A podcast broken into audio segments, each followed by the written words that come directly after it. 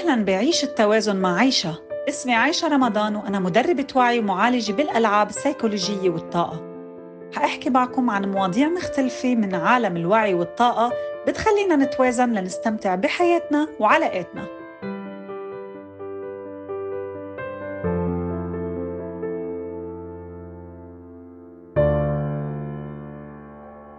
السعادة مش حظ وحتى لو دورنا عليها ما رح نلاقيها. السعادة هي قدرة هي قرار. السعادة ما رح تجي لحد عنا بدون أي مجهود. نحن يلي منصنع حياتنا ونحن يلي منقرر إذا بدنا نعيشها بسعادة أو باكتئاب. لهيك نحن المسؤولين عن تحريك خط أفكارنا أو مسار أفكارنا. ونحن بس يلي قادرين نغير هاي الأفكار ونسيطر عليها لنقدر نغير واقعنا ونعيش سعداء رغباتنا ما بتحقق لنا تجارب وخبرات بس إلنا بل هي بتأثر على العالم يلي نحن عايشين فيه. هاي الأفكار والرغبات دايما موجودة وبتأثر على الجيل يلي جاي من بعدنا. بس نكون قادرين إنه نعبر عن رغباتنا الكون رح يعكس لنا هالشي ويحقق لنا هالرغبات. وممكن كتير أحداث بحياتنا تلهمنا ويصير عنا رغبة وشغف. وهون الكون رح يعطينا هاي الرغبات وممكن نواجه مواقف بتصير نتيجة أفكار الناس يلي سبقونا. هيدا هو التيار. هيدا هيدا التيار يلي هو فيه الخير والويل بينج سواء كنا فاهمينه أو لا. هو مستمر عجبنا ولا ما عجبنا. والشاطر بس يلي بيعرف كيف يمشي بتناغم مع هيدا التيار. هيدا القانون رح يمشي سواء فهمناه أو لأ. لهيك ضروري كتير نلاقي طريقة لنقدر نمشي فيها مع التيار. يعني نتأقلم مع الوضع الحالي ونلاقي المسار يلي فيه الخير والرفاهية ونتبعه أو منقاومه. خليني أفسر أكتر لأنه بكل الأحوال هو حيبقى موجود. يعني مثلا تخيلوا إنه في غرفة فيها ضوء شمس كتير كتير قوي. أكيد ما فينا نفوت على هالغرفة وندور على كبسة زر لتقلب لنا الغرفة لظلام. بس فينا نجيب برداية أو ستارة لحتى نحجب ضوء الشمس ويصير في عتمة. فهمتوا الفكرة وين؟ يعني إحنا ما فينا نخفي مسار أو عفوا ما فينا نخفي تيار الخير بس فينا نقاومه. يعني ما في مصدر للشر. نحن بس منقاوم الخير وهيك بيظهر الشر. هون الدواليتي هون الأضداد بتخلق. مثل فكرة إنه ما في مصدر معين للمرض بس لما نقاوم الخير يلي فينا منكون عم نخلق هيدا المرض. لهيك بس نقاوم الأحداث الحلوة بحياتنا رح نحصل على العكس يلي بدنا إياه لأنه منكون عم نخبي الخير. من دون سؤال ما رح نحصل على جواب ومن دون طلب ما في إجابة. نحن هلأ عم نقطف رغبات الأجيال يلي قبلنا. هيدا وقتنا لحتى نستفيد. كل ما أعمل جلسات كل ما بتأكد إنه الأجيال يلي قبلنا عملت كتير شغل كرمال نحن نوصل على المكان يلي وصلنا عليه. وصار وقتنا هلأ لحتى نخلق رغبات جديدة للأجيال يلي جاية من بعدنا لأولادنا وولاد أولادنا. هاي هي حقيقة مفهوم صندوق أفكارنا. هيدا مفهوم فهمتني صديقتي اللي كتير عزيزة على قلبي سارة عبد العال واللي استضفتها عنا على البودكاست. للحقيقة ما بتذكر إذا الحلقة حتكون قبل ولا بعد هاي الحلقة بس please tune in لأنه الكلام معها جدا جدا عميق. هالمكان يلي منطلق فيه أفكار ونوايا جديدة يلي هو صندوق أفكارنا.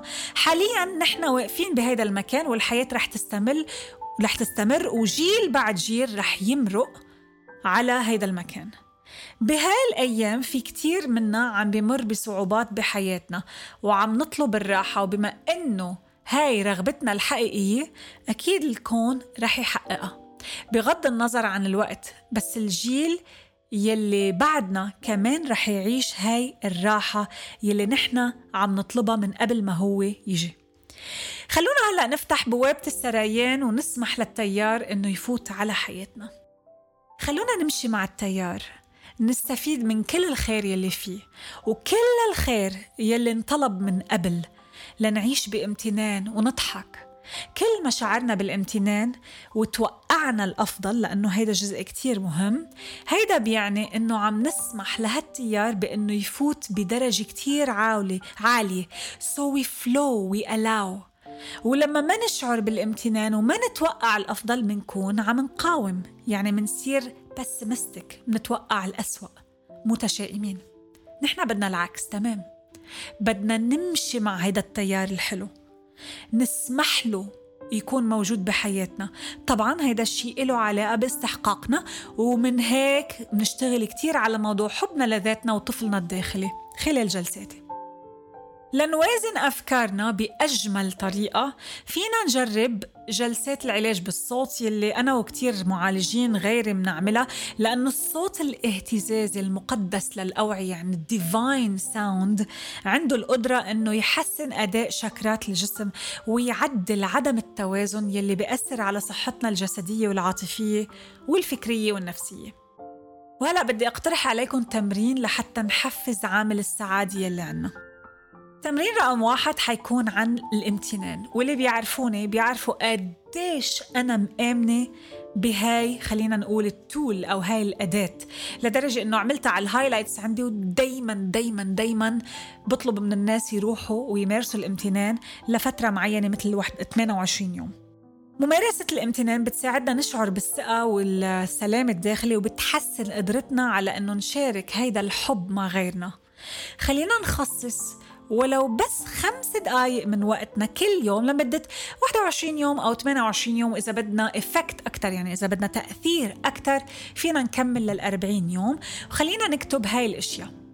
بدنا نحدد ثلاث أشياء بتخلينا نشعر بالامتنان إلها ومنقدر وجودها بحياتنا. ممكن هاي الأشياء تكون من الماضي أو بالحاضر ممكن تكون شيء كبير أو شيء صغير.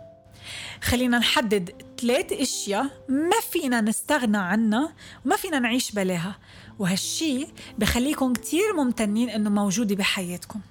خلينا هلأ نحدد ثلاث أشياء ممتنين لوجودها بنفسنا.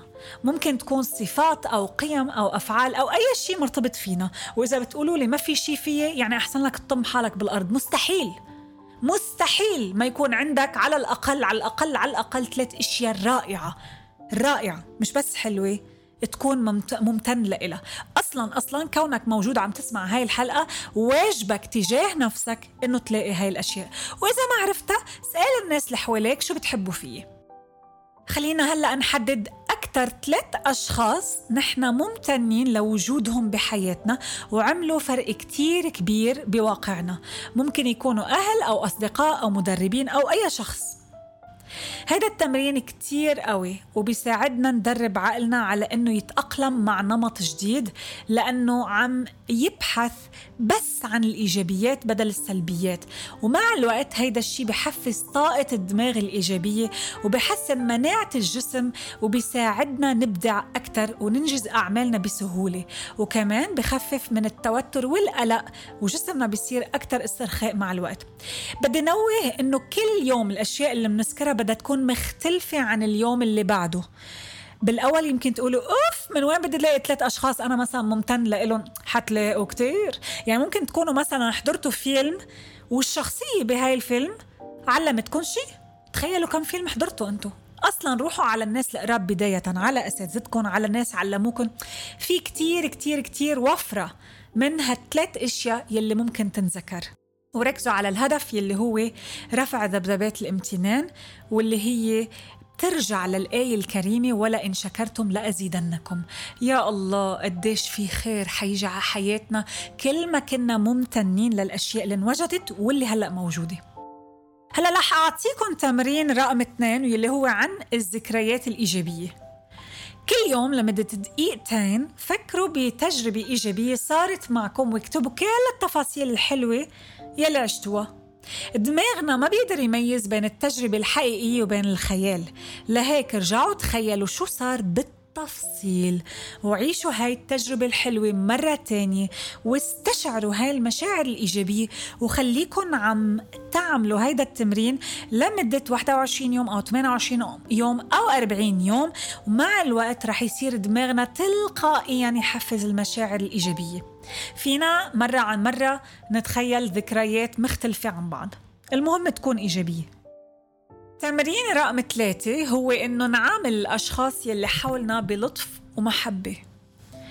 هيدا من أقوى وأهم التمارين اليومية حتى لو فكرتوا إنه عادي ما أنا أصلا لطيفة. خليني أفهمكم أكثر هلأ بالأول بدي إياكم كل يوم لمدة دقيقتين تكتبوا رسالة إيجابية لشخص بتعرفوه اشكروه وامدحوه. وكل يوم عيدوا هيدا الشيء مع شخص مختلف عن اللي قبله. كونوا أكيدين إنه بس تلتزموا بهيدا التمرين هالرسائل والمحبة والمدح والشكر رح يرجع لنا أضعاف أضعاف اللي نحن بعتناه لبرا. علاقاتنا حتتحسن ومشاعرنا كتير حتتحسن. ليش قلت لكم إنه هيدا الشيء كتير كتير مهم وقوي؟ لأنه معظمنا كتير قاسي على حاله. فنحن لما نكون عم نشتكي من شخص قدامنا أو نعيط على أولادنا أو نكون قاسيين معهم هيدا لأنه نحن بالعمق قاسيين مع نفسنا وعلى نفسنا. نحكي مع نفسنا كلام مش لطيف. بدنا نبرمج عقلنا إنه يحكي كلام حلو للناس ولنفسنا. نعامل الناس ونعامل نفسنا بلطف وبحب. بدي أعطيكم مثل انتشر بصورة آه، بشكل كتير واسع على ال social media يمكن تتذكروه بس حلو إنه هلأ نحن نرجع نذكر فيه نفسنا لحتى نشوف شو يعني السعادة. خلينا نتخيل السعادة عبارة عن طفلين من ضمن ثلاث أطفال كانوا عم بيشاركوا بتمرين رياضي. في واحد كان الأول في واحد كان الثاني وفي واحد كان الثالث. الثاني كان عم يبكي وكتير زعلان. أما الثالث كان مبسوط كتير ومتحمس بعكس الطفل يلي ربح المرتبة الثانية هي فعليا صورة حقيقية وانتشرت مثل ما قلت لكم وبتأكد لنا إنه السعادة بطريقة تفكيرنا ونظرتنا للأمور.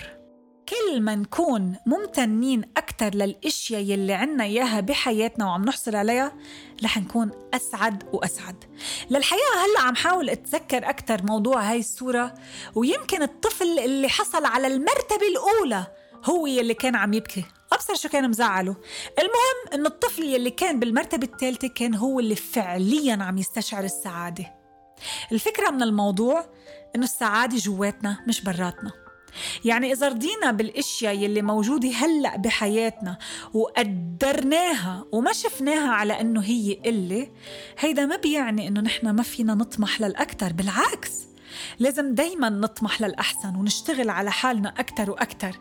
بس أهم شيء نكون راضيين وما ننسى نقدر قيمة الأشياء الصغيرة والكبيرة يلي هلأ هلأ موجودة بحياتنا. ونفكر إنه ما عنا شيء ونضل عم نشتكي. هيدا أكيد حيأذينا. ما تنسوا إنه الكون هو مرايتنا بس نطمح للأحسن ونكون راضيين تماما بكل شيء عنا إياه. الكون رح يعكس لنا هيدا الشيء بحياتنا ويعطينا أكتر وأكتر. ولما ما نكون ممتنين وراضيين بالأشياء يلي عنا إياها بنكون عم نبعت رسالة للكون بأنه عنا نقص بحياتنا. طب هون شو بتتوقعوا الكون رح يعكس لنا؟ بالحلقة الجاي حابة أهديكم جلسة علاجية بالصوت باستعمال التبتن بولز ويلي حيساعدنا إنه نوازن أفكارنا بأروع صورة. بنصحكم إنه تسمعوا الحلقة الجاي أنتوا بالبيت متسطحين على الفرشة أو على التخت لأنه سهل جدا إنه الواحد ينام خلال هاي الجلسة وعادي ما في أي مشكل لأنه الخلايا بجسمنا حتستفيد بكل الأحوال. شكرا لمتابعتكم ومتحمسة أكون معكم خطوة خطوة بهالرحلة لنستفيد أعمق إفادة. فيكم تتابعوني على إنستغرام at عايشة رمضان A I S H A رمضان. لتتعرفوا على جلساتي العلاجية وعلى كورساتي. بشوفكم بالحلقة الجاي